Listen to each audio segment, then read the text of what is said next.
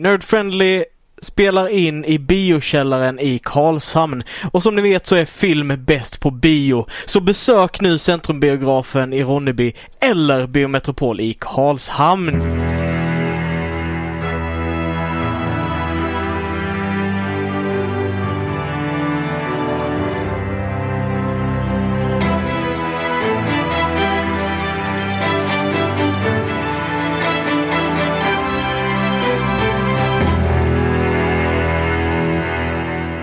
Hejsan allihopa och välkomna till dagens avsnitt av Nerd Friendly Podcast. Nerd friendly! Dagen vi spelar in detta är 20 februari 2021 och som av en händelse så eh, delar vi den här dagen med födelsedagen till Elizabeth Holloway Marston, en, eh, eh, en psykolog och eh, ja, advokat som eh, delvis var inspirationen till Wonder Woman eh, av sin Oh, man. Jag tänkte att det lät superbekant av någon anledning men jag kunde liksom inte sätta fingret på, på varför. Nej, lite intressant. Hon föddes eh, 1893 och hon dog tyvärr 1993 så hon blev 100 år gammal. Eh, men hon var inspirationen till Wonder Woman tillsammans med deras eh, polyamoriska livspartner Olive Byrne. Ja, precis. Eh, De har gjort en film om det. Mm? Eh, om eh, deras relation och sådär och när, när eh, Wonder Woman skrevs och hela den här biten. Jag vet att jag har sett den. Jag minns tyvärr att den inte var särskilt bra så jag kommer inte ihåg jättemycket. Okej. Men, eh, men eh, jag vet att jag såg filmen om det. Eh, så då har vi lite nörd-trivia. Välkommen till denna podcasten. Jag är här, Christian Fernlund heter jag. Och jag är här i vanlig ordning, Alexander Levin. Och vi börjar med att säga att vi kommer spoila saker i den här podden. Jajamän. Jag tror vi satt, sa i förra avsnittet eller om det var förr, förra att efter det här Nerd friendly!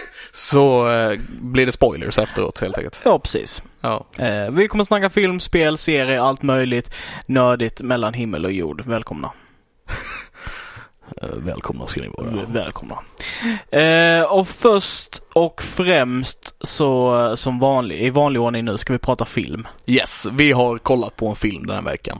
En film som jag faktiskt inte hade sett förut men som jag har sett grejer ifrån hela min uppväxt Mm. tror jag. Mm. En film eh, som inte är ny kan vi ju säga. Det är en, Nej, en inte. gammal kultfilm skulle man nog mer kunna Ja, säga. ja. Eh, en film med en ung Tom Cruise och en Yes. eh, yngre eh, Tim Curry. En, en röd Tim Curry. En röd Tim Curry. Eh, delvis på grund av ilska men antagligen mestadels på grund av smink. Ja, mest smink tror jag också faktiskt. Ja, ja. Eh, vi pratar naturligtvis om den enda filmen vi kan prata om, Top Gun. Precis. Nej, Nej just det, så hette den nej, inte. Le- Legend. Legend heter den. mm. Ja, ja. Eh, Det, ja. det är inte fel att säga att det är en legendarisk film. Nej. Jag, jag, jag blev, jag, vi satt här i eh, soffan och skulle välja film för att i vanlig ordning så hade vi inte bestämt det innan utan vi sitter här och Nej, liksom, för, för planering och vi är... Eh, men du vet, vi zappar runt och båda två bara äh, ska vi se det, äh, ska vi se det Och sen så kommer vi över Legend. Och Levin säger att han inte har sett den och jag blir så glad inombords så att jag håller på att välta. För du hade sett den här Jag hade sett den innan flertal gånger. Yes. Så vi gick ifrån lite grann i alla fall att eh, liksom bara välja filmer vi inte har sett tidigare. Mm, Men det var väldigt länge sedan du såg den. Det var väldigt länge sedan jag såg den. Och det, det kändes som, vi har en nördpodd, snackar nördiga saker liksom. Mm. Legend känns jätterelevant för, för den. eh, Det känns liksom. väldigt relevant. Ehm, filmen, jag kan väl säga lite kortfattat, handlar om, det, det är en sagoberättelse, det handlar om en prinsessa från ett kungarike som besöker skogen där hon träffar Jack då, som är någon slags eh, skogspojke som eh, springer kring skogen och gör skogssaker. En riktig Eh. toppistol kan man ju säga. Ja precis, en toppis. Ja. Ehm, Han, och, han är lite omöjlig också. omöjlig. Omöjlig? Va? Mission Impossible. Ja, Ja. ja, fair enough. Ja. Eh, och eh, de springer kring skogen och eh, han ska visa henne enhörningar liksom. Och ni hör ju var, var vi är på väg för någonstans. Och i detta då så har eh, The Darkness, The Evil, Satan typ, Jag tror faktiskt att han är credited som Satan. Mm. Eh, han, han, har bestämt sig för att eh, då att han ska skapa evigt mörker på planeten. Eller i världen. Så han ska döda de här eh, enhörningarna. Ja, för det är, så, det är så man får det mörkt på jorden genom att döda enhörningar. Yes. Mm. Eh, och eh, han lyckas eh, döda den ena av dem men den andra är fortfarande vid liv. Och eh, under den här processen liksom så händer det massa saker under väldigt kort tid som jag inte har, förstår riktigt vad det handlar om. Men uppdraget blir i alla fall att Tom Cruise ska in och besegra The Darkness för att hämta åter eh, enhörningens horn så att de kan återuppväcka enhörningen eller någonting och göra någonting så att alla blir lyckliga i slutet. Vi, vi får inga riktiga förklaringar på många ställen i den här filmen. Men Nej. ja, basically. Eh, Tom Cruise med vänner ska, eh, ska hitta eh, en, den före detta enhörningen, nu hästens horn. Mm, eh, mm. Och eh, återföra den åter, tror vi, återföra den till den andra. Ja. Alltså vi, som sagt, vi får ingen riktig förklaring på det men vi tror att det är så. Jag, jag, tror, jag tror det är något sånt. Jag tror det förklaras lite i den riktningen kinda. Um, ja. Det är i alla fall vad, vad det handlar om och vi har fantastiska scener i denna filmen. Vi har också fruktansvärt dåliga scener i den här filmen. Verkligen. Um, typ, typ de första 20 minuterna var ju inte bra. Nej, eh, jag, jag håller verkligen med dig. Jag satt, eh, för att jag har så, jag har så positiva minnen av denna filmen. Mm. Så jag blev liksom väldigt lycklig av att vi skulle titta på den och sen så då när vi satte igång den, de första 20 minuterna var så vedervärdiga så att jag typ skämdes. För att jag bara, har jag tyckt att detta var bra? Men hela filmen tar ju en vändning till att bli helt fantastiskt efter det liksom. Uh, och då kände jag ändå liksom bara att den fick vindication. Alltså vi, vi, det var ju några grejer som räddade upp den skulle jag nog mer beskriva det som kanske. Jag tycker den blir fantastisk. Um, för så här, som sagt, den började, den var dåligt klippt. Mm. Uh, allting var ADR-at. Ja. Alltså att de hade spelat in replikerna efteråt och lagt på. Mm. Um, och inte spelat in det under tiden de spelade in liksom. Eh, så allting såg ju skevt ut. Ehm, och ehm, alltså kamerabetet var inte direkt på topp och du vet hela den här biten. Samtidigt var det det här, det är en gammal film så man, man förlåter ganska mycket liksom och sen även hur eh, hur de hade gjort, som det var någon gång så hade de lagt på typ ett vindljud och sen så var allting i skogen stilla utom en gren som var framför kameran som det var en snubbe som stod typ och viftade med framför ja, kameran. Ja, precis.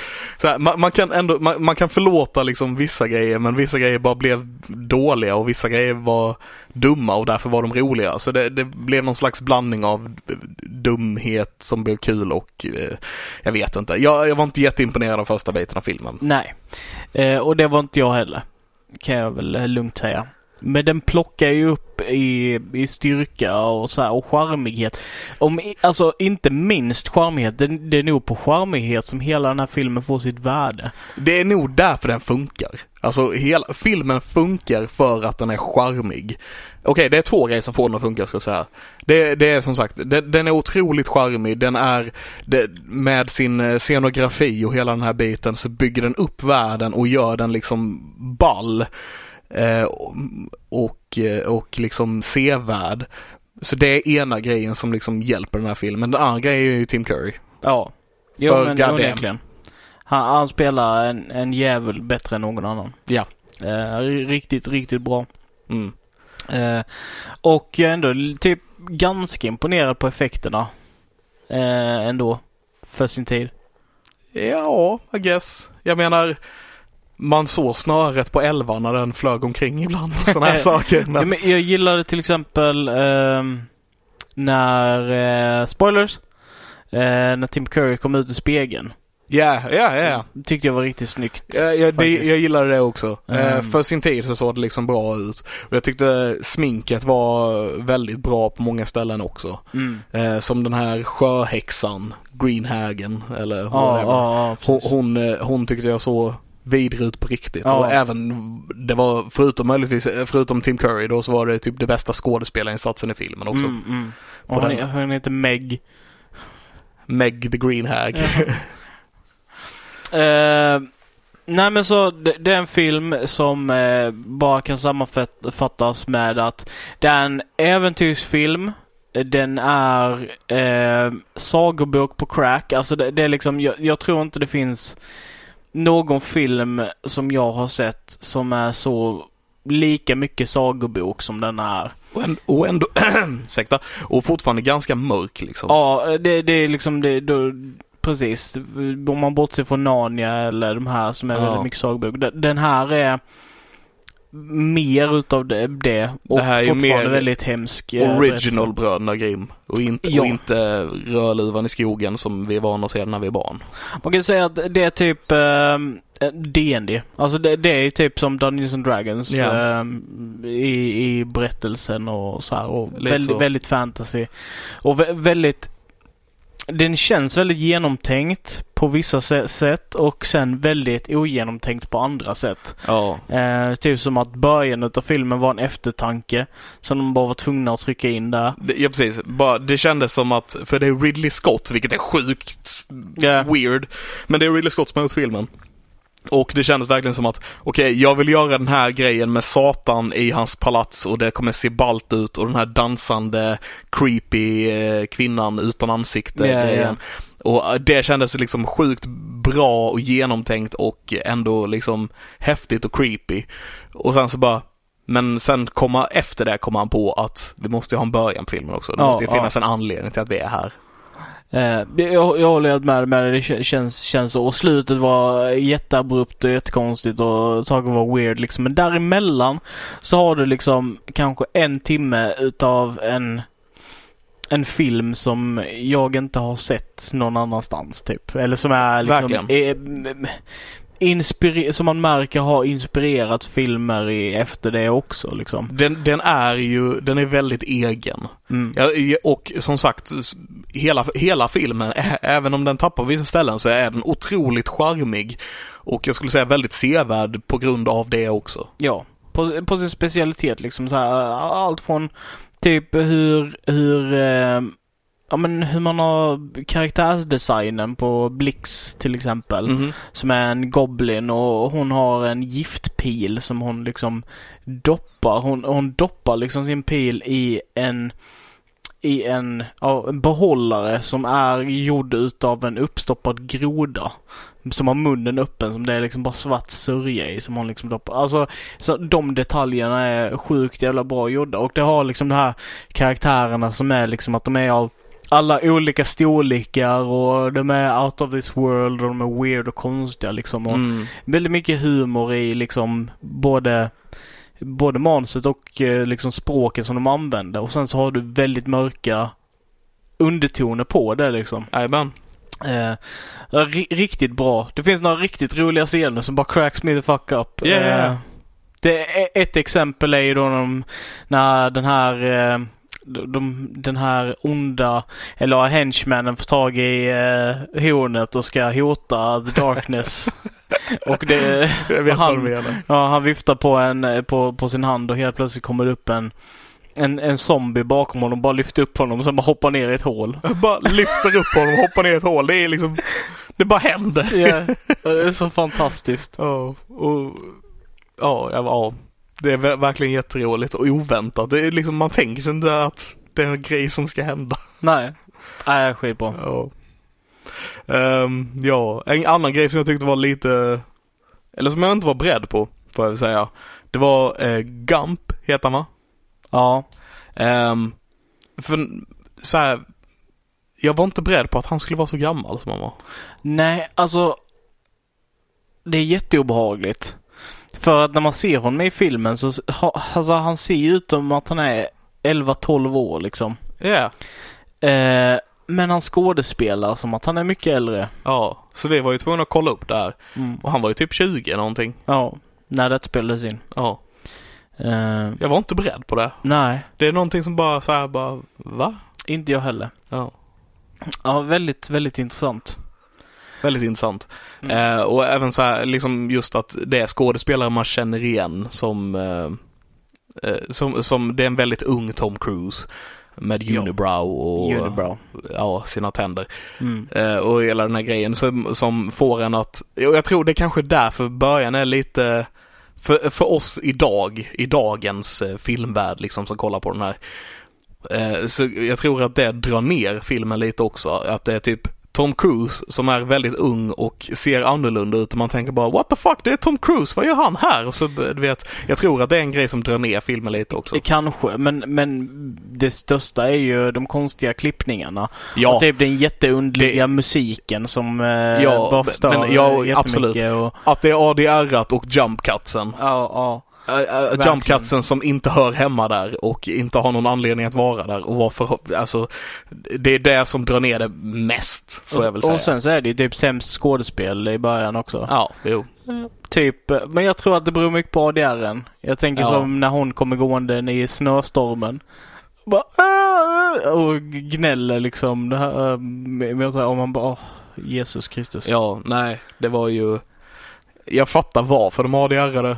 Ja, de har, för mycket, Alltså- de har så mycket vind för de har, alltså det är ju också en sån sak som är både positivt och negativt. Liksom de har så mycket partiklar i luften hela tiden. Alltså de har verkligen det här, de har skapat en atmosfär i Mm. varje scen liksom utav partiklar och saker som flyger omkring i luften och gör att det är magiskt liksom glitter och allt Alltså det, de har skapat den här miljön men det betyder också att det är svårt att spela in ljud i en sån miljö. Ja. För det kommer hela tiden låta. Och det är inte fel att ADR, det är en jättebra grej att, om, när man får det att funka. Men problemet är ju här att det, det syntes att de hade gjort det genom alltihopa. Det, Ja. det märktes för mycket.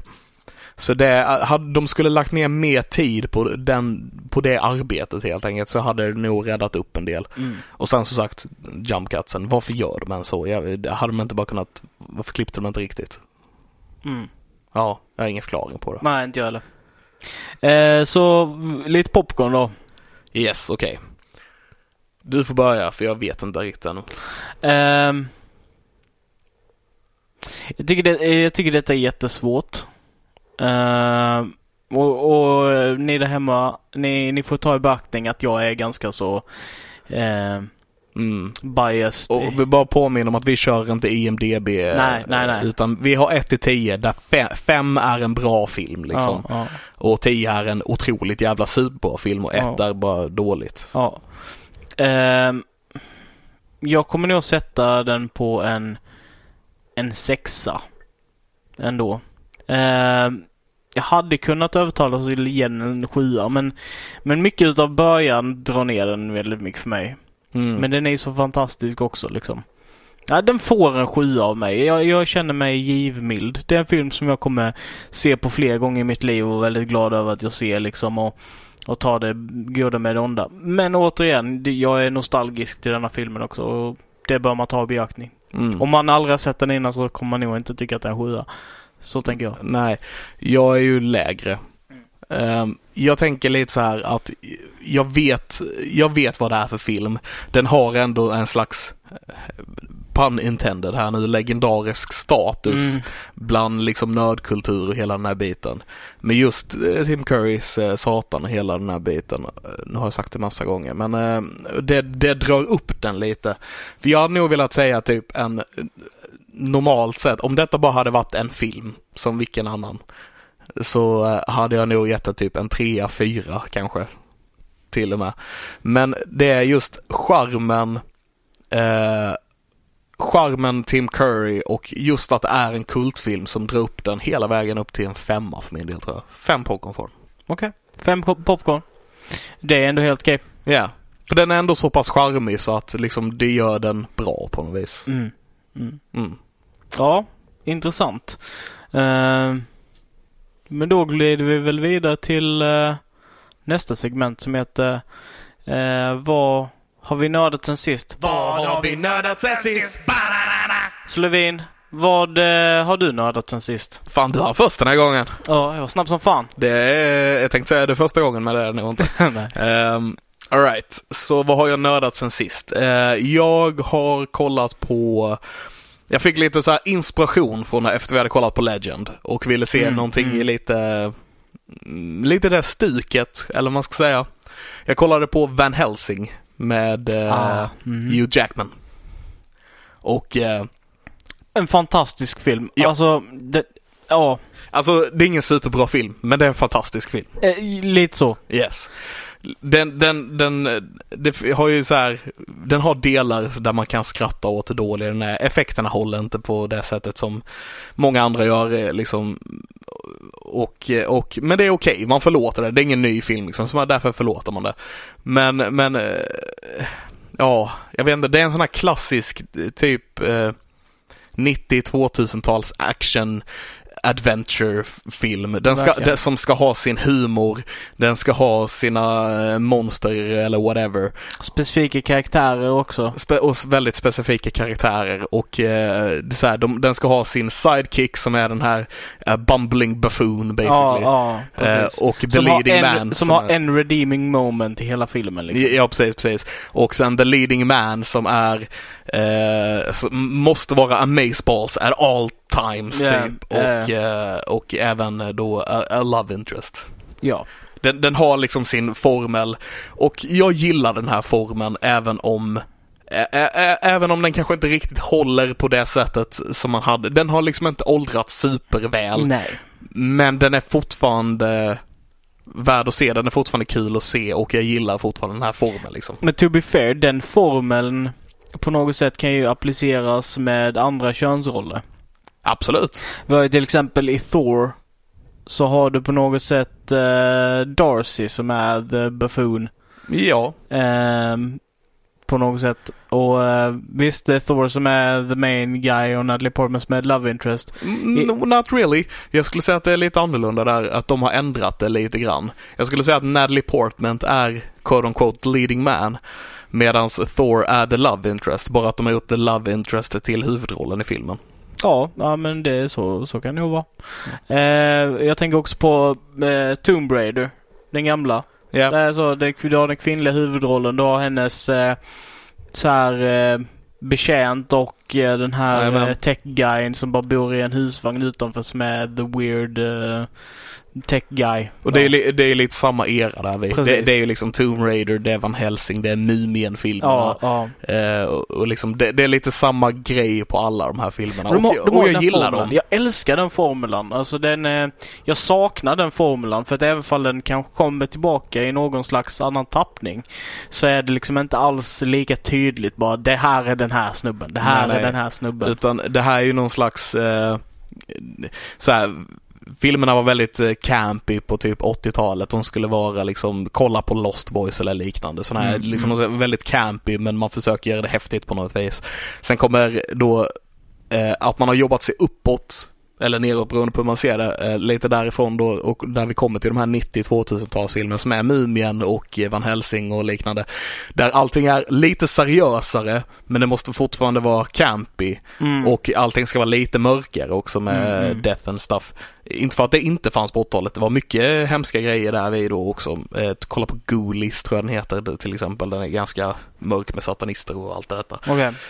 Eh, men och sen så eh, går vi vidare till filmerna vi har idag som ska vara mycket mer seriösa liksom. Vi försöker lämna ifrån oss det här campy och vara lite för seriösa nu istället. Mm. Även om det finns humor och grejer och sånt här nu också. För det, deras, deras, vår tids version av Van Helsing, Mumien-filmerna och allt detta är ju typ Marvel-filmerna skulle jag säga. Ja. Det är lite samma stil fast, fast mer seriös nu, fast en modern tappning på dem kan man säga. De är, väl, de är väl kanske inte lika dumma. Nej. Eller- så är det liksom bara så här att, att humorn har skiftat lite för att sen typ Iron Man och de filmerna så har mycket av humorn också kommit från improvisation. Mm, jo det är sant. Eh, och jag tänker att typ den humorn som framkommer i de här Van Helsing-filmerna är typ skriptad humor. ja, Många gånger liksom. ja eh, precis. Så det, det ja, nej, Och- lite intressant. Ja, och det är ett tydligt exempel på den liksom vår tids humor som görs i filmer nu är ju typ, jag tänker Star Wars Force Awakens när Poe blir tillfångatagen av Kylo Ren precis i början och han bara So who starts talking? You start talking, I start talking. Den, den, det är en sån här replik som bara känns väldigt, nu eh, sabbade jag den engelskan väldigt mycket i sig, Mhm, men mm. alltså det är en sån replik som känns väldigt dagens humor kind of a thing. Okej. Mm, mm. Ja. Ja. Så vad har du mer gjort, sett? Ja just det, jag har gjort andra grejer också. Ehm, jag har också kollat på um, den nya uh, Narrative Telephone heter det va? Ja, det tror jag. Uh, som är då critical roles, uh, grej som de startade med nu under pandemin för att de inte kunde träffas på samma sätt och så vidare. Mm. Så det är ju, ja det heter typ, heter en telefon på svenska, den leken. Ja, det gör det kanske. Eller något sånt. Mm. Uh, där basically är Viskleken. viskleken är det kanske.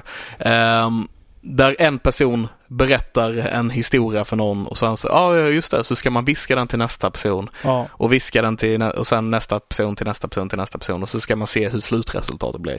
Det är basically the cast of critical role, alltså Matt Mercer och, eh, jag höll på att säga Dan Harmon, men det var inte det. Var inte, det hette det. Eh, Matt Mercer och eh, Laura Bailey och dessa.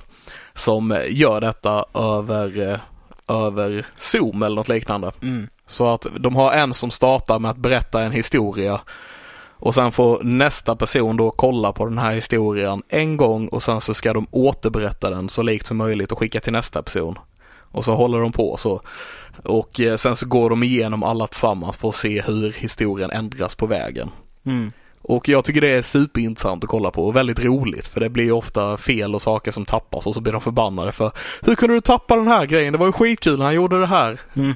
Och så hur kunde du glömma den? Mm. Och du vet sådana här saker. Så det, jag har kollat på alla narrative telefones som de har släppt och ehm, Du, jag, de är typ en, lite av en timme var det va? ja, något sånt.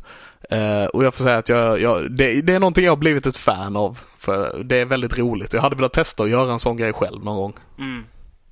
Mm. Kul. Sen är det ju extra kul för att de gör ju, de spelar ju ofta sina karaktärer när de gör från Critical Role då.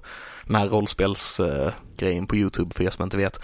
Ehm, så typ när Laura Bailey gör sin så, har, så gör hon Jester som berättar en historia. Och så måste alla andra också Så måste låta. alla andra göra Jester Ja. när de berättar historien efteråt.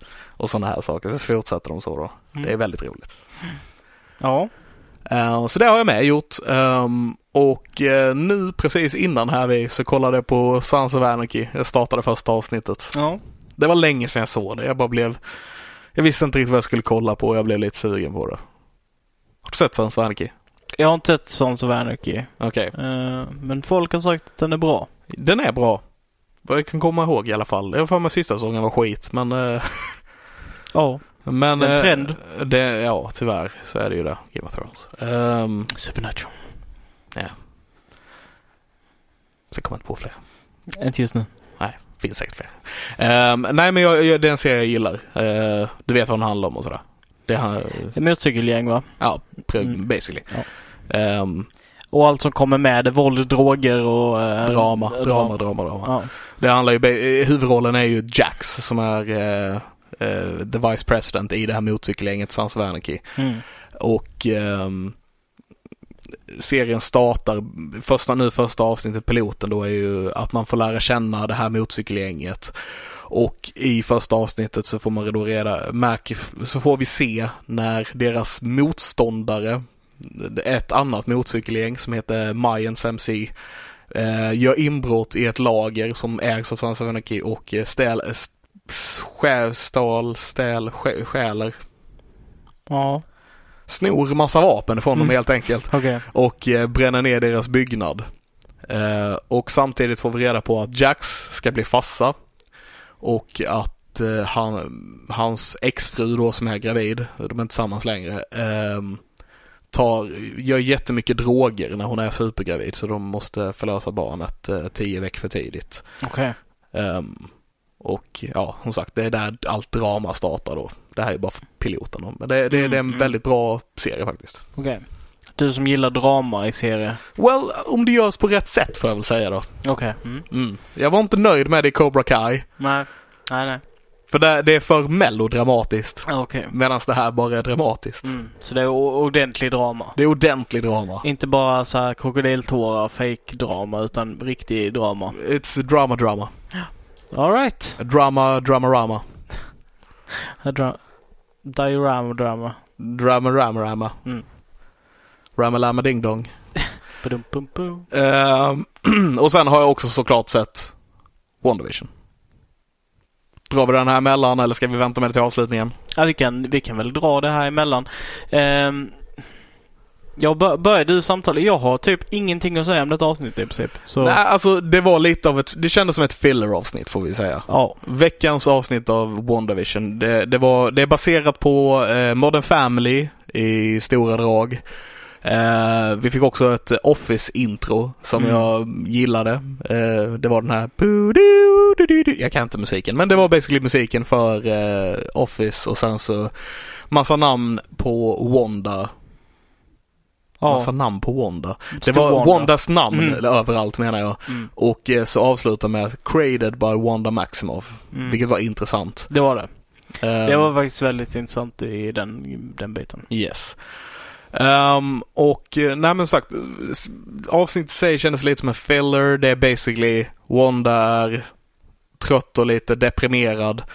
För att eh, Vision är inte kvar. Hon har expandat den här häxgrejen. Hon vet inte riktigt vad hon håller på med. Hon håller, she's kinda losing it lite grann sådär. Mm. Ehm, Hennes kraft funkar inte. hennes krafter fungerar inte riktigt. Mjölken ändras till en gammal mjölk och eh, lite sådana här prylar. Mm. Eh, och så hon, hon behöver vila, hon är trött helt enkelt. Så grannen kommer in och eh, tar över ungarna. Ja. Meanwhile så är det Vision då som vaknar upp efter att han nästan dog av att gå ut ur hexagonen. Eh, och träffar på Darcy och gör så att hon blir Darcy igen och inte eh, hexagonversionen av Darcy. Just det. Och sen så beger de sig på vad som känns som en jättelång roadtrip för att ta sig till huset. Ja. Men jag menar så stor är inte hexagonen. Det borde inte vara en jättelång roadtrip. Nej, nej, men det... det ja. Nej, och förklaringen till det, är ju basically att att hon inte vill att Vision ska komma till huset. Yes, det är förklaringen som, som eh, eh, Vision tror det är då. Men eh, sen får vi ju revealen där på slutet då. Ja, Mm. ah, just det. Jag glömde en viktig grej. Eh, Rambo eh, försöker ta sig igenom hexagonen igen. Mm. Eh, misslyckas, först. ja. Och sen tar sig igenom igen. Så hon har passerat igenom den här barriären tre gånger. Och det ändrar hennes DNA så pass mycket så att hon får typ superkrafter. Ja. Eh, hon verkar kunna se elektromagnetiska fält och typ, eh, ja, typ kraftfält helt enkelt verkar det vara liksom. Ja. Eh, för hon såg elledningarna så hon liksom. Mm. Men, Så. men vi fick inte se så mycket av om hon har mer grejer eller Nej, sådär. nej. Eh, vi fick se att hon eh, började lysa blått och kunde ta emot eh, Scarlet Witchs eh, Ja precis. Hon, attack. Sådär. hon kunde stå emot dem lite grann liksom. Mm. Ehm, så det, men sen kommer då den här revealen på slutet. Eh, att, att eh, som vi har pratat om sen första avsnittet basically, att då Agnes är Agatha Harkness. Yes. Hon har, hon har tagit ungarna någonstans. Ja. Ehm, De är bara borta helt plötsligt. frågan är inte frågan är ifall hon har tagit dem någonstans. Alltså, Alltså för, för det är det som är... Det är väl det som är lite... Frågan är antingen har hon ju kidnappat dem och försöker använda deras energi för att återbygga Mephisto liksom för att ja, hela, hela den här biten. ja. Eller så har hon de försvunnit naturligt för att hon kanske kopplat av typ den kom- Nej det, det känns jätteoroligt men Ja, nej, så här kände, så här tolkade jag det. Att, eh, för hon, hon skulle ju då passa de här ungarna för att Wanda var trött. Och eh, vi ser att de är hemma hos henne och eh, den ena ungen lägger märke till att eh, det är väldigt tyst hemma hos henne. Hon kan, han kan inte läsa av henne. nej. Och det är ju en superhint för oss, det här är innan revealen Ja, så ja. att säga. Ehm, och, ehm, och sen så ser vi, nästa bild vi ser henne i är att hon kollar ut genom fönstret och ser konfrontationen mellan Wanda och eh, Rambo. Ja. Och sen när Wanda kommer in där så är de borta och Mm. deras mackor är halvuppätna. Ja. Eh, TVn är fortfarande på. Mm. Min tanke är att hon har liksom puffat iväg dem eller du vet eh, gjort någonting med dem. Ja. Ehm, så här. Så, så är det ju nu. Alltså, ja, anled- det som får mig att eh, småtvivla på det är egentligen, eh, egentligen bara på den här andra berättelsen som är från comicsen. Som är liksom det här att ungarna slutar existera i comicsen när, när, när Wanda inte direkt interagerar med dem eller tänker på dem. Men det har redan blivit debunked här liksom med att Yeah. de existerar liksom med Agatha Harkness. Och, Yes. Och sen dessutom, det är inte som att eh, Agatha Harkness då är, hon är inte orolig, hon blir inte, hon blir inte eh, alltså hon reagerar inte på att ungarna är borta så det känns ju som att det är hon som har gjort någonting med dem. Ja. Och det var ju att hon ljuger också för Wanda. Ja. Och säger att ja men de är nere i källaren och leker. Precis, precis. Så det, hon, har- hon har gjort någonting där vi. Och det, den stora revealen egentligen med Agatha Harkness eh, i detta avsnitt är ju inte bara då att det är just hon som du har sagt sen avsnitt ett typ. Nej, nej. Ehm, utan också att det är hon som på något sätt sänder den här tv-serien. Ja. Eh, implikationen är att det är hon som filmar, hon som regisserar på något sätt. Och även en grej som jag inte la märke till. Jag såg avsnittet idag igen innan vi eh, Ja, spelade in ja. detta. Bara för en grej jag la märke till just i hennes egna intro som hon har där vi Agatha all along heter det. Ja, ja, Eh, som då tyder på att it's, it's been Agatha all along. ja. Som har gjort alltihop och sådär. Eh, det vi får se eh, precis i början av det här introt är hur hon kommer ner i sin liksom eh, sina riktiga häxkläder kan det vara thing. Men vi ser bara benen på det. Mm. Sen ser vi att hennes lila magi som hon har ändrar henne till 50-talsform och efter hon har ändrats så ändras hela världen till 50-talsform. Mhm. Vilket bara jag drog andra gången då jag såg det i alla fall. Jag tänkte inte på det första gången jag såg det, men då drog jag parallellen till att det är hon som gör, gör de här tv-serievärldarna. I och med att hon ändrade sig själv till 50-tal och sen ändrades världen till 50-tal Ja. i introt. Ja, det är inte omöjligt. Så det är, så det, jag fick då känslan att det är inte Wanda som gör det. Utan hon, för hon, det vi får se första gången när Wanda och Vision kommer till Westview, då är det redan 50-tal. Ja. Så att det är någonting som hon har gjort. Och av någon anledning så har inte då, en anledning som jag har en teori på som vi kommer till, eh, gjort så att, eh, att det är liksom, Agatha Harkness har helt enkelt ändrat världen. Mm. Och att det är hon som har gjort hela den här grejen av någon anledning då. Eh, en anledning kan vara, slog mig just nu, att eh, för att Wanda känns ju kooky och Vision han eh, minns ingenting. Så de är Nej. båda så här typ inte, har inte så bra koll på hur världen fungerar just här och nu. Eh, min tanke är att det är just för att, som, som vi varit på lite tidigare, att, att det inte ska vara konstigt att barnen växer upp så snabbt. Nej, precis. Att det är liksom att de här tidsåldrarna, tidsepoken, de här tioårsperioderna liksom representeras så för att barnen ska kunna växa upp Mm, eh, snabbt. ja. Och jag tror även hela grejen med eh, Sparky, hunden där, vi var en grej för att få dem att växa upp snabbare också. Ja, och hon bekräftade bara att hon dödade Sparky också. Ja, hon säger det rätt i introt. I killed Sparky. Men jag hoppas inte att hon är the big bad fortfarande. Nej, jag, jag tror fortfarande, alltså, eller så här. Jag kan ju inte riktigt släppa Mephisto-grejen. Jag har ju basically trott att alla karaktärer i WandaVision är Mephisto vid ett tillfälle känns det som. Ja, mer eller mindre.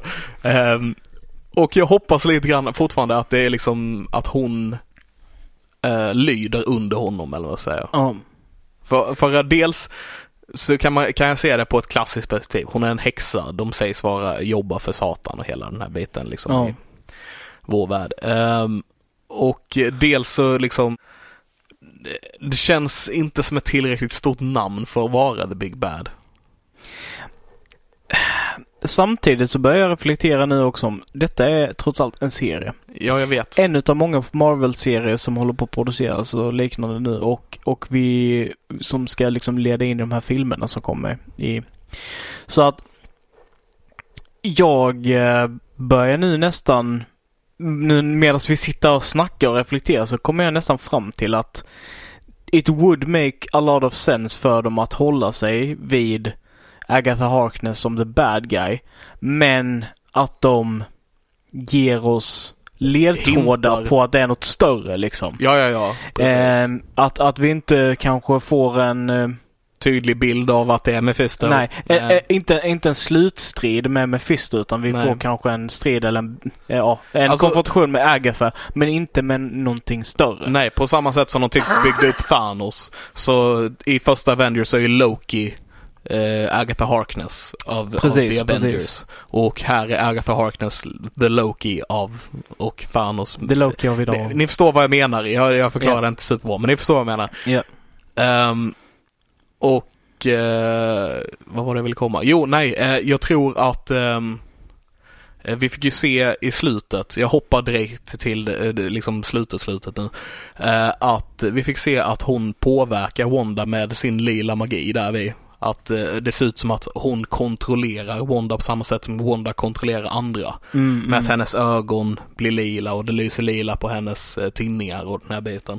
Precis. Så även om Wanda har kunnat kontrollera grejer så är, känns hon, hon är åtminstone påverkad av Agatha och har varit det under hela perioden liksom. Ja, och um, det, det tror jag absolut också. Och samma sak. Det enda det enda som eh, på något sätt motsäger det, alltså just det här att hela staden är under, under kontroll. Eh, och de, she is doing this liksom. Mm. Eh, och, och vi har tänkt att det är Agatha som har gjort det liksom under hela tiden. Eh, och inte Wanda. Mm. Men nu verkar ju det vara någon slags delad kontroll eller någonting. Jag vet inte. För när Darcy hon blir fri, jag tänker jag att det första hon hade sagt hade varit att säga till Vision att om hon inte var helt säker på att eh, eh, om hon hade varit helt säker på att det inte var Wanda som hade gjort det, då hade hon ju sagt det till Vision direkt. Men så det verkar vara lite, de inte vet Nej. vem det är eller så, vad som kontrollerar dem. Utanför så här så känns det ju också, det är för, så här, jag tror att de Agatha kämpar hårt för att, de, vill- för att hon vill att alla ska tro att det är Wanda som gör det. Hon vill Mm. liksom inte reveala sig själv. Nej. Ehm, Det kanske är Agatha som kontrollerar Wanda till att göra det. Ja, det är precis det är det jag tror och det är därför jag tror vi fick se det här med lila tinningar och lila ögon. Jag tror att det är Agatha som påverkar Wanda. Hon kanske inte kan göra det totalt liksom för att vi, vi ser ändå hopp i det och att Wanda gör egna beslut och sådana här saker. Men att hon kan påverka henne och få henne att tänka på ett visst sätt och sådana här Mm, saker. mm. Eh, Så, så jag tror att eh, liksom Agatha påverkar Wanda till att göra de här grejerna för att hon inte vill reveala sig själv som the big bad. Mm. Hon vill att världen ska tro att det är Wanda som gör det och att hon inte hon liksom. Mm. Mm. Och frågan är varför det har betydelse för henne. Det, det är en jättestor Ja. grej. Varför har det betydelse för den här karaktären att det inte är hon som är? Hon, ja, det är en väldigt bra fråga. Det, ja, visst är det. Alltså Mm. för det, för hade hon bara varit liksom en untouchable evil eh, witch som är subservient to en devil, varför skulle hon bry sig om vad regeringen tycker? Nej, nej, nej. Det känns ju väldigt som att det är någonting politiskt de vill få fram eller att de vill ha ett hat mot Wanda eller superhjältar eller... Lite så, I, I don't know. Det, det känns som att det skulle vara en till agenda eller en annan agenda som... Ja. Men eh, det kan också vara vi som överanalyserar. Ja, det kanske är så enkelt bara att hon, eh, förutom liksom att hon har magiska krafter så kanske hon är ganska svag liksom. Ja. Och vill inte outa sig på grund av det. För, I mean, för ja. får hon en kula så dör hon liksom. Ja, ja, ja. I don't know. Eh, det här varit uh, WandaVision-hörnan med Alexander Levin och Christian Fernlund. ja, precis. Och jag gillar WandaVision-hörnan. ja. Kanske bara i och med att eh, Marvel-scenen kommer fortsätta nu. Det känns som att eh, Falcon och Winter Soldier kommer ju fortsätta direkt efter WandaVision slutar. Och sen blir det troligtvis Loki direkt efter den slutar. Mm.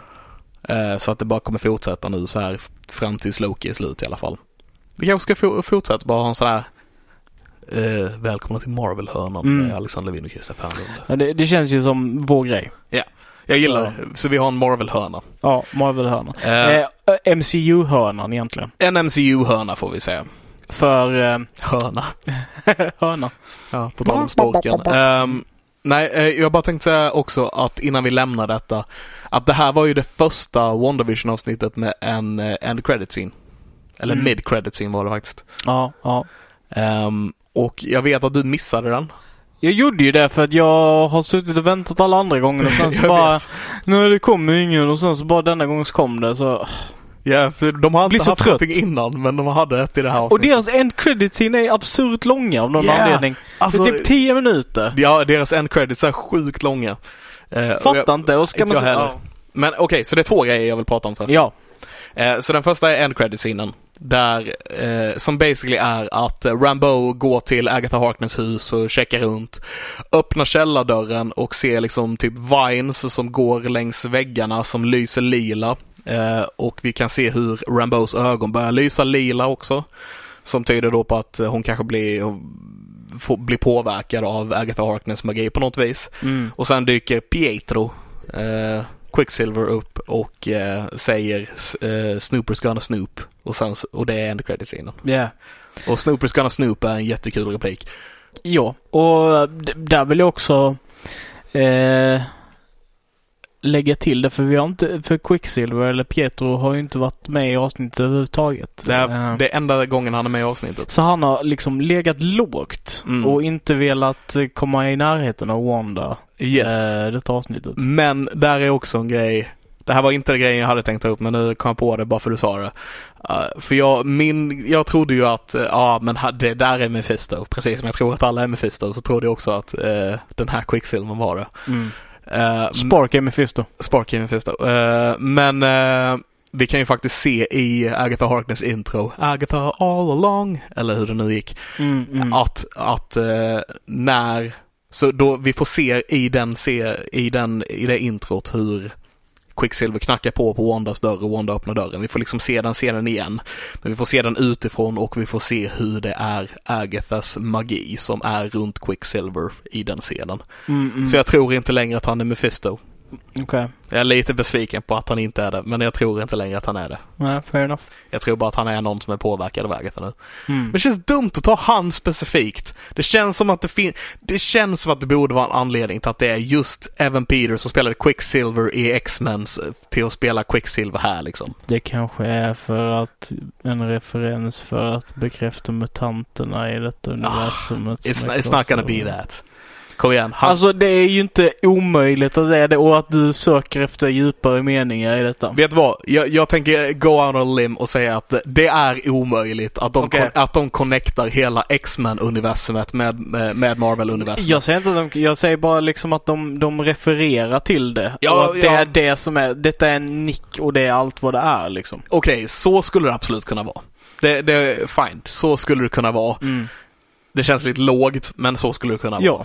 Men det här att bara, ja, de drar in alla X-Men-filmerna i MCU nu på det här viset. Nej, det, det, Det, händer nej, inte. Det, det, Det, finns inte en chans att de vill liksom in och bara, ja men deras storylines är canon nu. Mm, nej. Med tanke på hur dåliga vissa av de filmerna är. Ja. Så de vill inte plocka in dem i MCU. Det, det, det finns inte. Eh, Okej, så den sista grejen bara. ja, Eh, reklamen för den här gången. Nexus. Nexus, en typ antidepp medicin. Kändes väldigt mycket som, jag tror du sa det, att det var eh, Det hon är i just nu liksom. det är hennes just nu-läge. Ja. Ja, precis. Jag vet, jag, för jag vet inte exakt vad Nexus betyder. Inte jag heller. Men, men det har ju liksom, jag har ju hört det vid jättemånga olika tillfällen oftast. Typ kopplad till eh, en stor typ stad eller stor hubb utav saker. Så vi ska ta fram och se här. Mm. Ehm, för det, taglinen på reklamen var ju att eh, the world doesn't eh, revolve around you. Or does it? Ja. Ja, vilket också är en intressant grej. Känns då som eh, just att hon har skapat den här egna världen. But the world doesn't revolve around her. Or does it? Ja, jag tyckte det var en intressant reklam. Jag gillade också hur eh, det var så att de tog in de tog in samma skådespelare som har varit med i alla andra reklamerna tillbaks här igen. Vilket bara får mig att tro att den här grejen med hajen och ungen som blir ett skelett i slutet i förra reklamen Ja. också bara så här, det är, en, det är en utstickare, det är någonting som sticker ut, det är någonting weird med den, hela den reklamen. Den passar liksom inte in med de andra på samma sätt. Ja, men det, det, det är som du säger, det gör den inte. Nej. Eh, men här står det i definitionen enligt eh, Wikipedia. Mhm. Eh, står det en nexusförbindelse eller nexusrelation är en relation där båda leden för, förutsätter varandra syntaktiskt och semantiskt. Det, detta gäller främst för relationen mellan subjekt och predikat i finit sats. Ehm, och vad det betyder har jag ingen aning om. Det var massa där. Eh, för jag är inte svensklärare. Så, eh, ja. Yes, men där har ni vad Nexus är då i alla fall. Eh, ja. Nej, jag, jag vet inte vad jag ska säga. Jag, jag förstår inte mer om det. Nej, som sagt, jag för mig, jag såg Age of Ultron för lite sen ju och jag för mig att den här hubben för all data och grejer där de hittar, eh, eh, vad är det han heter, Jarvis. Eh, efter, efter de tror han har dött, efter de tror att Ultron har dödat Jarvis. De hittar ju honom igen i typ en hubb i Norge eller whatever med massa datorer och där allt internet utgår ifrån eller någonting så förklarar de det som. Mm, mm. och det kallas för The Nexus om jag inte är helt fel. Ja. Så kan man referens där också på något vis. Hej! Vänta, det är där de hittar Jarvis och Jarvis är en del av Vision. Han är ju en blandning av Vision och Ultron. Äh, Jarvis och Ultron basically. Alltså för Ultron skapade hans kropp och Jarvis är hans grundkod. Så basically att Nexus då som då är Jarvis det var, det var i gör Nexus... att hon inte känner smärta. Det var i, det var i, det var där Jarvis återuppstod kind of a thing. Right. Och vi har även nu, för det är därför jag tror att bara just den här reklamen tyder på nu också. Den heter Nexus där Jarvis återuppstod och blev Vision. Mm.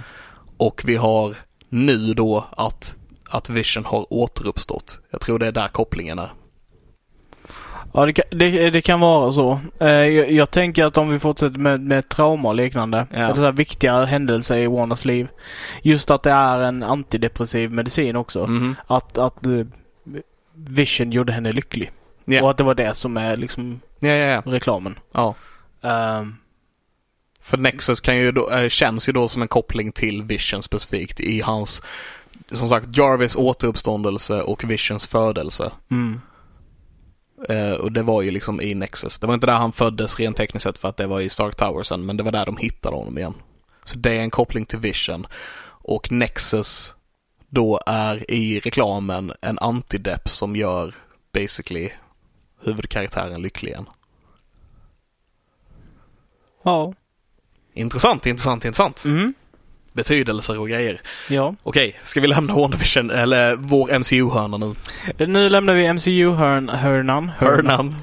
Uh, och uh, jag har uh, tittat vidare på Community. Ehm, jag har spelat ett spel som heter Rage 2. Som eh, just nu är gratis eh, att ladda ner på Epic eh, Store. Epic Game Store. Jag gillar bara, vi bara gick förbi community där, att du har kollat vidare på community. och vi har redan pratat så mycket om det så. Ja, vi, vi, har, vi, har kollat, jag har kollat vidare på community, mm. spelat Rage 2 som är gratis på Epic Games Store tillsammans med ett annat spel som jag inte minns vad det heter, som är ett lite så här drift, driftingbilspel typ. Mm. Um, och sen så har jag inte gjort så fruktansvärt mycket mer. Jag har kollat på podcasts. Jag har sett om väldigt mycket utav Last Week to... Nej, inte la, jo, Last Week Tonight med John Oliver. Right, just last, last, ja precis. Last uh, Week Tonight, ja yes. precis. Ja. Så jag kollar väldigt mycket på det. Jag tycker att han är en fantastiskt rolig komiker. Och, fantastiskt rolig. Och uh, väldigt bra Med i community också. Det är han. Ja. Det är han. Eh, så det har jag gjort mycket utav. Eh, också smygkollat lite på Orange is the new black. Eh, lite right. här och där. Eh, Vad tycker du om Orange is the new black? Jag har inte följt den slaviskt liksom. Nej. Den är intriguing liksom. Man fastnar vid, vid liksom och tittar på trainwrecket som händer liksom. Avsnitt efter avsnitt. Ja. Uh, och jag förstår appealen med det. Men det, det känns som att de försöker sälja till mig hela tiden. Att varenda karaktär i den serien är sjuk i huvudet. Ja. Och det tröttnar man på efter ett litet tag. Alltså så här, så här, ja precis. Det blir lite samma grej om och om igen. Och realismen försvinner liksom lite ur det liksom. Även fall det är baserat på en verklig händelse. Så känns det som att varenda jävla kar karaktär kan inte vara sjuk i huvudet liksom. det måste finnas någon som är typ relativt sund. Men de har liksom bara alla de här extrema berättelserna hela tiden mm, och det, det, känns väldigt mycket. Det var jättelänge sedan jag såg den så jag kommer inte riktigt ihåg men uh, det var, jag, jag, jag gillar ändå den men jag för mig att jag typ slutade kolla, jag har inte sett slutet. Just för att det blev lite same same, liksom det kändes lite som lite samma grej om och om igen. Mm, mm. Uh, nej men så li, lite så känner jag. Mm. Uh, nej men sen, sen har jag nog inte gjort så mycket mer, alltså så Ja, ja, just det. GCP, Glass Cannon Podcast, eh, deras Patreon eh, eh, innehåll. Eh, Raiders of the Lost Continent har börjat igen så jag är jätteexcited över den biten. Eh, och lite sådär. Så du eh, heter, säger man medlem i deras Patreon? Eh, ja, Ja. prenumerera Du ja. på deras Patreon. All right. Mm. Ja, nej, du, jag vet att du är ett jättefan av eh, Glass Cannon Podcast. Jag har pratat om det ganska mycket här med Ja. tror jag. Så. Eh, och eh, med lite tur så börjar de prata om oss i sin podcast också efter ett tag. ja, det tror jag nog. Ehm, nej, alltså det, det är lite roligt för de har ju eh, till en viss början så var det bara de här originalmedlemmarna. Så det var Matt, Grant, Skid, eh, Troy och Joe som liksom spelade tillsammans och, och sådär. Och de fick Mm. väldigt mycket frågor under större delen av deras första, första två år eller sådär. Så började de få frågor liksom så här, bara, varför har ni inte- inte några kvinnor med? Varför liksom har ni inte mer diverse cast? Liksom ni sitter där och bara fem vita män och spelar spel liksom. Mm. Och eh, de, de eh, liksom tar upp det liksom i några av deras intros där de pratar att vi önskar att det inte vore så här men vi känner inga tjejer som spelar D&D som är så nördiga som vi är och liksom våra fruar hatar det här med oss och du vet så här. Ja. De pratar väldigt mycket om de här bitarna. Men sen med att de skapade ju om det till en business så startade de upp alla de här olika till exempel Androids and Aliens som är en annan podcast där de, där de kör basically Starfinder. Det är Pathfinder fast det är rymden liksom. Mm. Och då eh, har de tagit in skådespelerskor och liknande. f- för att då bredda casten för att göra att det ska bli mer diverse och mer intressant liksom. Det inte bara är samma fem snubbar som spelar hela tiden. Och då kommer QA Ellie som är eh, Eleanor De Lorenzo. Som är eh, svensk. Mm. Svenska. Hon är från Uppsala. Eh, och hon sitter och ehm, Fin stad. Ja, det är det. Mm. Och hon sitter och, eh, och hon, är, hon är en liten kvinna, alltså hon är kort eh, och sitter och ska buffla sig med de här jättedryga amerikanerna och varje avsnitt börjar med att de snackar skit om Sverige och svenska och så här. Eh, och jag tycker att det är helt hilarious för det är uppenbart att det är ett skämt men Ja. tycker också synd om Ellie för att hon ska försöka liksom hävda sig med de här, de här buffliga männen. Mhm. Ehm, nej men det, är- det, det är lite roligt att höra henne hon, hon drar liksom in mycket utav typ det svenska i, i spelet också. Ja, just det. Typ hon har döpt en av sina karaktärer till Mor. Ja. Eh, och nu i Tales from the Loop så spelar de eh, i Boulder liksom. Det, det är deras setting. Men hon spelar en svensk karaktär som har flyttat dit som heter Emil till exempel. Okej. Här. I Boulder? Ja. USA? Ja. Staden, byn, Jag staden? är för mig de är i Boulder. Oh. Samma stad som i The Stand då? Ja, jag, jag tror att det var Boulder. Jag kan ha helt fel. Ja. Mm. Ligger den i Nevada? Nevada? Nej, det tror jag inte. Eller kanske, nej det tror jag inte. Nej. I och med att Las Vegas är Nevada. Ja. Och eh, i och för sig, de säger ju att eh, typ on the other side of the mountains och grejer så är de. Ja. Ja, för, ja, för Men det ser väldigt skogsigt ut där de är. Och Ja. Nevada är inte så skogsigt. Nej, det är ju öken. Ja, det är ju öken. Ja, det är öken. Eh, ja. Skogsigt är nog inget ord heller förresten. Nej. Eh, nej, så jag minns inte. Men, i- men i alla fall så, så ja. Eh, varmt, varmt, det liksom och eh, jag tycker det är väldigt spännande att se hur deras business har ökat liksom. Och samma sak som jag tyckte det var väldigt fascinerande att se dem gå liksom för, för det de ville göra och det de arbetade för var att göra mer liveshower. Liksom precis i starten av deras företag. Mm. Och sen kom covid och de var tvungna att anpassa sig och liksom så här.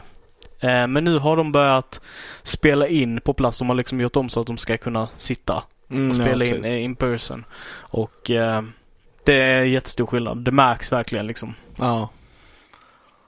Fan, liveshow hade jag velat testa.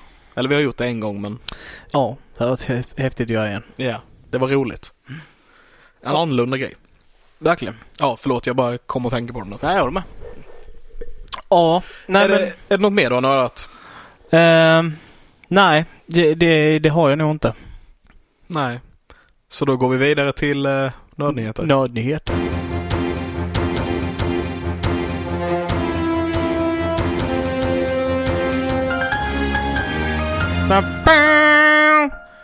God dag och välkomna till Nördnyheter. Uh, sju handskrivna... Eller okej, okay, jag, ska, jag, kör, jag ska köra det med min normala röst för att, så att folk inte blir förvirrade. Ja, gör det. Mm. Annars gillar jag min så här nyheter-röst. God morgon, välkomna till nyheter. Ja. Den är inte illa pinkad. Nej, jag tycker den är okej okay ändå. Jag menar den är lite så här men... Uh, uh, Men uh, i alla fall. så jag har inte jättemycket nyheter. jag vet inte ens om jag skulle klassa alla nyheter på min nyhetslista som nyheter. Okay. Den här gången. Utan en av grejerna är så här lite mer en kul grej, eller man ska säga en, en, en, inte kuriosa, men en, en grej som har hänt som jag bara hade velat, velat ta upp liksom. Eh, och eh, men jag, jag, tänker inte starta med den utan den första jag tänker starta med är inte en filmnyhet. För nu har jag börjat blanda in lite andra nyheter som jag tycker är spännande och kul och så här. Mm, mm. Och det är att de har hittat sju handskrivna ofullständiga delar av en text från 1400-talet i England nu. Av vad de har kunnat urskilja från de här texterna än så länge så verkar det beskriva trollkaren Merlin. Oj. Och jag bara tyckte det var en liten ball grej. Ja. Så här, bara de hittat beskrivningar av trollkaren Merlin från 1400-talet i England nu. Det är väldigt häftigt. Det är en kul grej. Ja. Ja. Mm. Ja. Intressant. Vi vet ju i och för sig sen innan att det är en gammal historia och så vidare och sådana här saker. Men det är fortfarande, jag tycker det, jag tyckte det var ballt. Ja. Um, så den här grejen som inte riktigt är en nyhet men som jag bara tänkte ta upp. Det är att Elijah Wood har kommenterat uh, Lord of the Rings-serien nu. Och han tycker inte om uh, han, har, han tycker om att det ska bli en serie, men han tycker inte om att man kallar det för Lord of the Rings-serien. Basically. Nej. För att den utspelar sig flera tusen år innan dess. Eh, jag menar, den utspelar sig eh, under en tid när ringarna forgades och sådär. Ja. Men det är ju mer Silmarillion-eran och inte Lord of the Rings-eran. Mm. Eh, så han, han har liksom kommenterat på att han inte, att den borde inte kallas så utan de borde ha, de borde kalla det för någonting annat. Ett, ett förslag från mig är ju typ Middle Earth eller något sånt där. Ja. Ja, jag tror förslaget Ja. som stod i nyheten var eh, Silmarillion men av någon anledning på grund av rättigheter och sådana här saker så får man inte kalla den för det. Sen, sen så är det ju, alltså enda anledningen till varför det så är brand recognition. Ja. Liksom Så är det ju. för att, mm, ja. Och det, jag tycker det också det är sjukt bull. Ja, Eh, men eh, så, det, så är det ju. ja, alltså de kallade ju inte Hobbit för Silmarillion, eller för Lord of the Rings menar jag. Nej. Men eh, folk känner igen det också. Sen förstår jag att Silmarillion är inte ett jättebra namn på den här heller för att, för att eh, den heter ju så på grund av Sil- Silmarillerna. Som, och det kommer inte handla om dem i den här serien heller som jag fattat det. Utan det här kommer ju bara vara en, er, en, en del under the second age som serien kommer handla om. Så att de, de borde nog liksom bara komma på ett nytt namn för det och kanske typ kalla det A Lord, A Lord of the Ring Story eller något sånt där. Ja. A Tolkien Story. Ja. Ja, istället för eh, The Lord of the Ring Show typ. eller whatever. Mm. Ja. Ehm, yes, så som sagt inte direkt en nyhet men någonting jag bara ville ta upp liksom. Eh, men den sista grejen jag har, det är faktiskt en nyhet. Okej. Eh, och den är lite kul. Eh, de har nu eh, bestämt vem som ska göra musiken till den nya Doctor, Doctor Strange-filmen.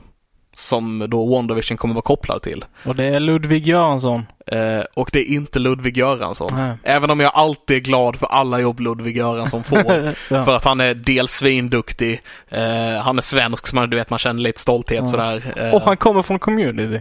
Och han kommer från community. Jag ser bara positiva grejer med Ludvig. Göransson. Ja. Eh, men faktum är att eh, musik, eh, han som ska göra musiken till Doctor Strange och The Multiverse, Multiverse of Madness är Danny Elfman.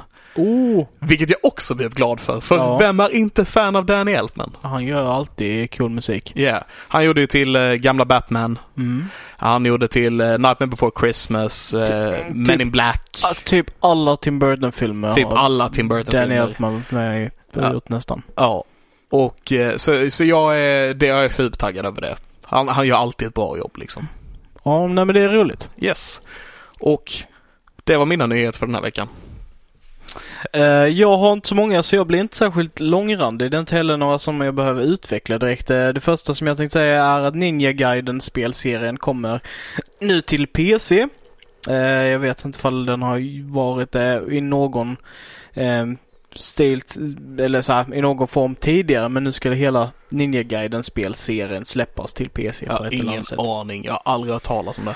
Ninja Gaiden kan man säga att Ja, det, det är ett ninjaspel. Ett actionspel eh, som, som... Eh, Är det det när man skär frukter? nej, det, det är Fruit Ninja. Och det är vet. på Jag mobilen. bara. Ja, jag förstår det. Eh, men så, det, så det, det spelas och det är liksom känt för, i alla fall ännu spel för Ninja Gaiden 2 som är känt för att vara extremt jävla megasvårt liksom. Okej. Eh, och sådär. Men... Är det ja. det som bara basically är en ninja simulator? Nej, det tror jag inte. Okej, nej. Nej, då, då har jag ingen aning då. Men, det, ja. alltså det är ingen sim, simulation liksom. Nej, men eh, det som... Det är ett ninja... Det, jag vet att det är några som har pratat om att det är typ ett, det är ett ninjaspel, men det är basically bara ninja simulator. Basic, jag vet inte. Whatever. Okej, nej, jag har inte hört en beskrivning av Ninja Gaiden men det, ja, det, Ja. det kan vara. Eh, nyhet nummer två. Eh, Diablo 2 eh, kommer att få en remaster till PC, eh. Xbox och Playstation. Så inte nog med att vi får liksom då eh, Diablo Immortal och Diablo 4 utan vi får också en, eh, en eh, ja, vad, vad, vad var de kallar det, remaster. Mm. Men frågan är ifall det kommer vara en remaster eller ifall det kommer vara en remake.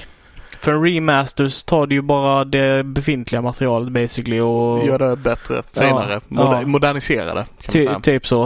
Uh, medan sen, och, men då är det fortfarande i samma, så som jag förstår det så är det fortfarande samma eh, system och samma grafik och liksom där. Det är bara det liksom att du ökar kvaliteten på de grejerna som redan finns där. Du gör Mm. liksom high def och de här bitarna. Och det känns konstigt att göra på, på det spelet. Ja. Så jag tror nästan mer att det är en remake där de ska göra om allting. Det, jag kan tänka mig att det, att det är samma spel, bara att det ser snyggare ut, typ. Ja. Ja, ja, men det finns ju olika sätt du kan, du kan göra det på liksom. Till exempel, till exempel eh, eh, Demon Souls nu. Det var ju en remake som kom ut på det för att de, bytte motor på det och de har gjort om spelet från grunden bara för att kunna göra det så, så mycket snyggare så det blir en väldigt stor skillnad. Mm. Och Diablo 2 är ju från jättelänge sedan. Ja. Det är Så- faktiskt ett spel som jag spelat, tror det eller. Ja, Ja. coolt. Det kom ju typ när vi var 10. Ja. Och jag tyckte det var skitballt. Ja. Ja. Ehm, ja, nej, vi får se vad det, vad det blir utav det helt enkelt i slutändan. Ja. Ehm, och då den sista nyhet som jag tänkte att jag skulle ta upp här idag är att eh, Dota 2, som är en, ett av mina sådana favoritspel genom tiderna, eh, de håller på, eh, eller ja, de kanske är klara med det. Jag läste bara vid nyheterna att det, Dota 2 kommer som en eh, anime-serie till Netflix. Okej. Så Absolut. eh, ja, de ska göra en serie på det. Uh, vilket är lite intressant för att även om det är ett spel som inte har så mycket, eller det är inte känt för sin lore, så har det lore liksom inbyggt i sig för att, ja, som lite roliga, Ja. typ sådana grejer. Var inte det typ bara basically tower defense before tower defense? Alltså, historien bakom Dota eh, är ju basically eh, Dota står ju för de- defend, defend, Defense of the Ancients. Eh, och det var en VC3-mod, så Warcraft 3, Ja. som de gjorde en mod på det. Och lite så som du säger, liksom, det, det, tanken är ju att du, du, du har ju tre lanes och på dem så kommer det creeps och sen så har du olika hjältar och ska du slå ihjäl creepsen och förstöra varandras torn och komma till mitten och förstöra basen för din fiende. Ja. Det, det är liksom vad, spe, vad spelet går ut på. Och det är ju inte så mycket ett samtal med NPCer och mobs och sådär om vad som händer liksom. Men, Faktiskt spelat Dota 2 också så jag... ja, ja. Det, Eh, det kul. låg på alla skoldatorerna på gymnasiet så det var det vi gjorde. Fair enough. ja. Ehm, men, men där i det så har de ju till exempel bakat in så exempelvis då att karaktären Lina och Crystal Maiden är systrar. Så typ om du dödar Lina som Crystal Maiden eller om du dödar Crystal Maiden som Lina så, eh, så har de typ sass de säger mot varandra. Mm. Typ såhär bara you're cold is not cold enough sister eller du vet sådana här saker. Eller typ eh, Kunka då som är en båtkapten. Eh, och eh, Vad heter han? Kunka. Okej, ja. Kunka. Okej. Eh, och eh, eh, Tide Hunter som är basically en, en Kraken. Eh, så eh, de har ju en rivalitet där liksom att de, de hatar varandra i loren och, eh, och ja, sådana saker helt enkelt som de har lagt till. Så det kanske kommer fram mer då i den här, i den här berättelsen. Ja, det, Ja, ja. det är vad vi vet om det. Jajamän. Ja, men det, nej men absolut. Jag tror det kan absolut vara någonting. Jag kommer ju se den, men jag, jag har inte jättestora förhoppningar på Nej. den. Jag är inget anime-fan, så jag... Vi får se. Japp. Ja. Vi får se om jag ser den, helt enkelt. Vi får se, vi får se. Vi får se, vi får se. Yes, men eh, det var väl allt som vi hade för den här veckan va? Det var det nog. Yes, vi har, eh, vi har eh, diskuterat, eller du, du har berättat om en koppling från inspelningsdagen till, eh, till eh, hjälp mig här vad jag ska säga. Wonder Woman. Wonder Woman-grejen, precis. Mm. Det var den jag ville nämna bara att för så här, gå igenom lite vad vi har gjort. Men jag bara tappade orden och visste inte vad jag skulle säga längre. Ja. Eh, men Wonder Woman-grejen. Vi har eh, pratat om filmen vi har sett, Legend.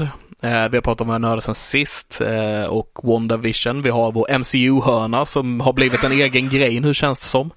Mm, det har det. Vilket är nice, så då kanske vi ska ta den för sig i framtiden. I don't know. Mm, kanske. Ja, vi får se lite hur det blir där. Vi. Mm, mm, mm. Eh, och vi har gått igenom våra nördnyheter. Ja, Ja, vi är nog klara för idag. det är vi nog. Så ähm, där hemma, ha det så bra, nörda vidare så hörs vi eh, nästa vecka. Gör dig hörd, var nörd, vi hörs då. Lämna ingen oberörd. Puss på gumpen. Hej! Hej!